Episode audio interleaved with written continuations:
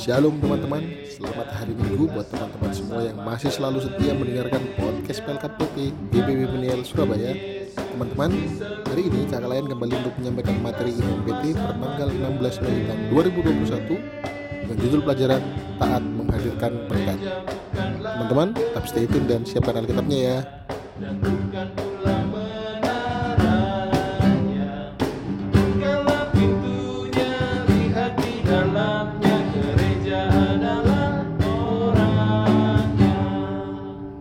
Selamat pagi, selamat hari Minggu adik-adik yang terkasih. Kembali lagi kita bertemu di hari Minggu ini. Dan kita akan belajar mengenai firman Tuhan yang terambil dari kitab Amsal pasalnya yang ketiga ayat yang pertama sampai yang keempat. Namun sebelum kita belajar, mari kita berdoa.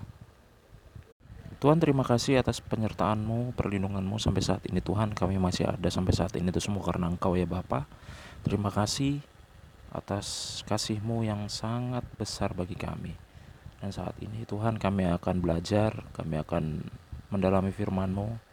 Kiranya Engkau mau berkati kami, Engkau mau perlengkapi kami dengan kuasa roh kudus-Mu sehingga ketika kami belajar kami dapat mengerti dan memahami dan juga kami dapat melakukannya dalam kehidupan kami sehari-hari.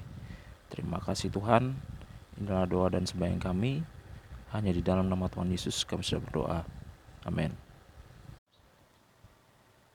Amsal pasalnya yang ketiga ayat yang pertama sampai keempat kakak akan bacakan untuk kalian. Berkat dari hikmat. Hai anakku, janganlah engkau melupakan ajaranku, dan biarlah hatimu memelihara perintahku. Karena panjang umur dan lanjut usia serta sejahtera akan ditambahkan kepadamu. Janganlah kiranya kasih dan setia meninggalkan engkau. Kalungkanlah itu pada lehermu, tuliskanlah itu pada loh hatimu, maka engkau akan mendapatkan kasih dan penghargaan dalam pandangan Allah serta manusia.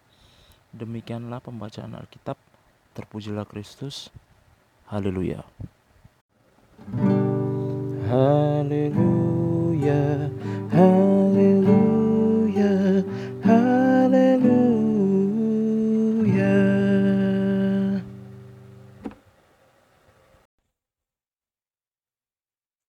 Shalom, selamat pagi adik-adik.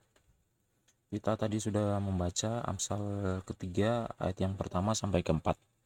Nah, Uh, namun sebelumnya kakak akan membahas sesuatu yang mana supaya kita dapat mengerti apa yang sudah kita baca. Ya. Setiap manusia pasti mau hidupnya sukses dan bahagia. Untuk mewujudkannya, manusia menggunakan banyak cara, mulai dari cara yang memerlukan proses yang cukup lama sampai dengan cara yang serba instan. Firman Tuhan menuntun kita untuk berusaha bukan dengan cara yang instan tapi dengan proses. Dengan proses, manusia diajarkan untuk bersikap sabar, kreatif, tangguh, dan terlebih mengandalkan Tuhan. Dengan membaca dan merenungkan kitab Amsal, kita menemukan kiat-kiat agar hidup sukses dan bahagia berdasarkan prinsip-prinsip hidup yang benar. Kitab Amsal menguraikan banyak pengajaran yaitu pengetahuan sehingga menuntun orang yang membaca dan merenungkannya dapat bersikap bijaksana agar setiap usaha yang diperjuangkan selalu berada dalam kebenaran firman Tuhan.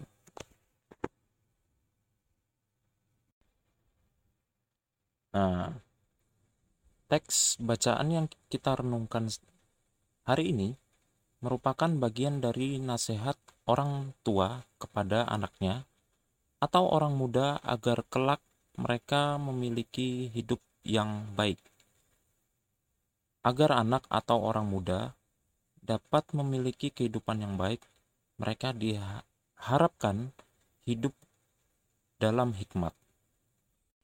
Nah, adik-adik, selanjutnya yang harus kita pahami dari apa yang sudah kita baca tadi, bahwa Tuhan Yesus senantiasa menghendaki umatnya untuk menjadi keluarga atau orang-orang atau pribadi-pribadi yang taat dan diberkati. Dan Tuhan akan memberikan pertolongan kepada umat yang selalu serius untuk hidup taat dan setia kepadanya. Ya, memang untuk menjadi seseorang atau pribadi yang taat itu memang tidak mudah. Kita bisa lihat dalam kehidupan sehari-hari banyak tantangan dan godaan yang selalu kita jumpai. Dan melalui Amsal 3 ayat yang pertama sampai yang keempat, di situ Tuhan sudah mengingatkan kita di hari ini untuk selalu berpegang teguh pada ajaran. Ke mana pun kita pergi, kita harus selalu melakukan kasih dan setia. Ya, kita tahu sebagai remaja, ini merupakan tantangan dan bukan suatu hal yang mudah. Namun ketika kita dapat melakukan semua itu, ada berkat, ada upah yang akan Tuhan berikan ketika kita mampu melakukan apa yang Tuhan minta.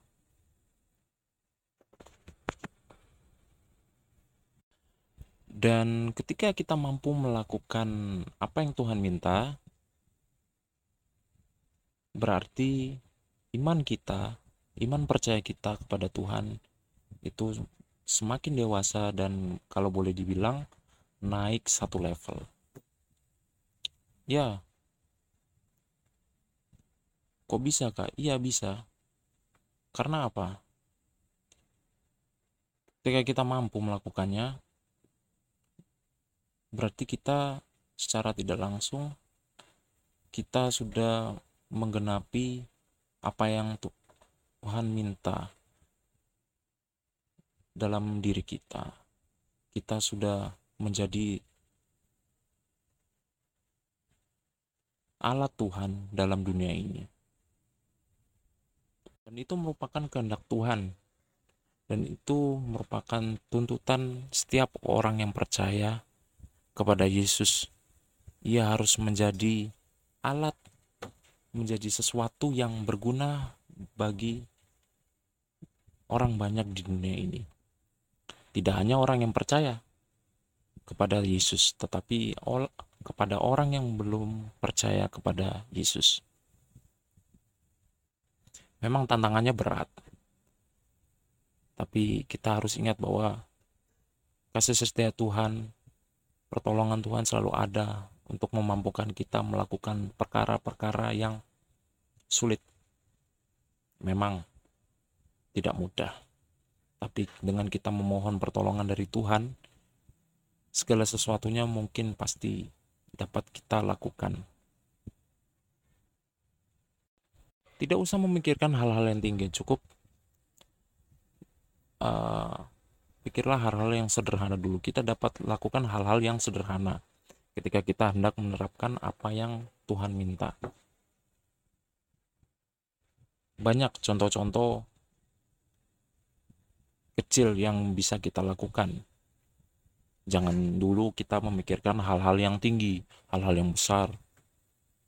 Tapi kita sebelum sebelum kita mengarahkan atau melakukan hal-hal besar, kita harus melakukan hal-hal yang sederhana dulu. Seperti apa yang tertulis dalam firman Tuhan. Janganlah engkau memikirkan perkara-perkara yang tinggi, tetapi arahkanlah dirimu kepada perkara-perkara yang sederhana. Kalau ditanya contoh, banyak sih apa yang dapat kita lakukan untuk sesama, sehingga orang lain bisa percaya, orang lain bisa yakin bahwa kita ini adalah pengikut Kristus yang setia. Ya, kita bisa lakukan itu dalam kehidupan sehari-hari. Kalau sebagai remaja, ya, hal yang dapat kita lakukan mungkin kalau di sekolah ya kita dapat membantu teman kita yang sedang kesusahan kesusahan mungkin dalam mengerjakan soal bukan berarti memberikan contekan bukan ya tapi memberitahu bagaimana cara menyelesaikan soal tersebut seperti kalau kita sedang diperhadapkan dengan soal matematika. Nah, dalam memecahkan soal matematika itu kan ada rumus-rumusnya. Nah, yang kita beritahu kepada teman kita adalah bagaimana cara memecahkan perkara itu atau soal itu dengan memberitahu rumusnya seperti ini, seperti ini. Selain itu, ada juga mungkin kita bisa menghibur teman kita mungkin yang sedang dalam duka mungkin uh, menjenguk teman kita yang sedang sakit banyak yang bisa kita lakukan yang pasti ketika kita melakukan semuanya itu kita harus melandaskannya atau mendasarinya dengan kasih tanpa mengharapkan imbalan, tanpa mengharapkan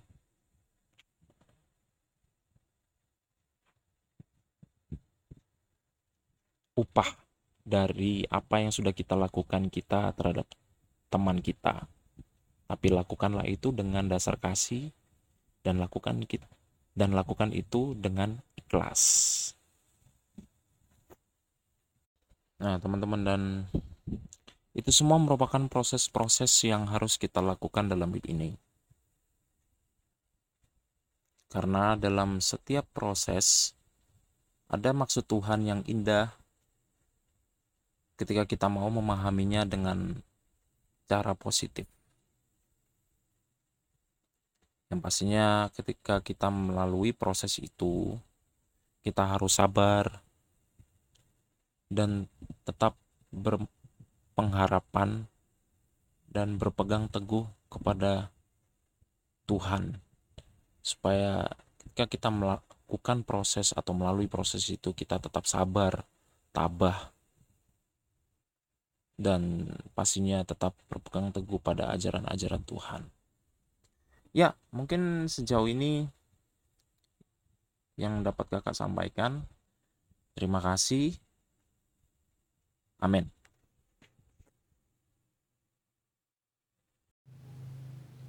Baik, adik-adik, setelah kita mendengar dan membaca firman Tuhan dan mempelajarinya, sekarang saatnya kita untuk berdoa. Mari kita satu dalam doa. Tuhan Yesus, terima kasih atas penyertaan-Mu, perlindungan-Mu atas kami sampai saat ini. Kami masih ada. Itu semua karena Engkau ya Bapa. Terima kasih Tuhan atas kasih-Mu yang sangat besar untuk kami. Kami masih bisa melakukan segala sesuatu yang kami inginkan aktivitas yang kami inginkan. Itu semua karena Engkau ya Bapa. Ya Bapa, di pagi hari ini kami telah diingatkan untuk selalu memegang teguh ajaranmu, memegang teguh kasih setia, dan melakukannya dalam kehidupan kami sehari-hari. Tuhan, tolong kami, manusia yang terbatas ini Tuhan, sehingga kami mampu dan dapat melakukan ajaranmu, perintahmu dalam kehidupan kami sehari-hari. Memang banyak tantangan Tuhan dan kami tahu itu tidak mudah.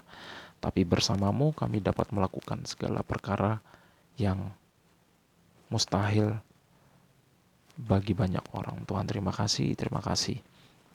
Tuhan, saat ini hamba berdoa untuk setiap pendengar pada minggu pagi ini Tuhan kiranya Engkau mau berkati dalam segala pergumulan, pelayanan, pekerjaan, sekolah, segala kegiatan apa pun yang mereka lakukan Tuhan Yesus Engkau mau sertai. Terima kasih Tuhan, terima kasih. Tuhan juga Engkau mau berkati gerejamu dengan segala pergumulannya Tuhan dan pelayanannya. Engkau mau berkati gerejamu supaya selalu dan dapat membawa suara kenabian dalam kehidupan sehari-hari. Dan juga engkau memberkati bangsa dan negara Kau juga mau berkati bangsa dan negara ini dengan segala pergumulannya Tuhan. Di mana saat ini adalah masa-masa sulit. Kiranya Engkau mau sertai bangsa ini supaya segala tantangan rintangan yang dihadapi itu semua dapat dilewati semuanya ya Bapak. Terima kasih Yesus, terima kasih. Inilah doa kami, inilah sembahyang kami yang kami alaskan hanya dalam nama Tuhan Yesus yang telah mengajar kami berdoa. Bapa kami dalam surga, dikuduskan namamu, datanglah kerajaanmu, jadilah kehendakmu di bumi seperti di surga. Berikanlah kami pada hari ini makanan kami yang secukupnya, dan ampunilah kami atas segala kesalahan kami, seperti kami juga mengampuni orang yang bersalah kepada kami. Dan janganlah bawa kami ke dalam pencobaan, tapi lepaskanlah kami daripada yang jahat, karena engkau lah yang punya kerajaan dan kuasa dan kemuliaan sampai selama-lamanya. Amin. Oke teman-teman, terima kasih banyak telah mendengarkan materi hari ini. Kita akan kembali bertemu lagi di materi minggu depan. Teman-teman tetap selalu jaga kesehatan, tetap selalu menerapkan protokol kesehatan buat kita, keluarga kita, dan orang kita sayang juga. Oke, kita akan mengakhiri materi hari ini. Kita menyanyikan Mars PT.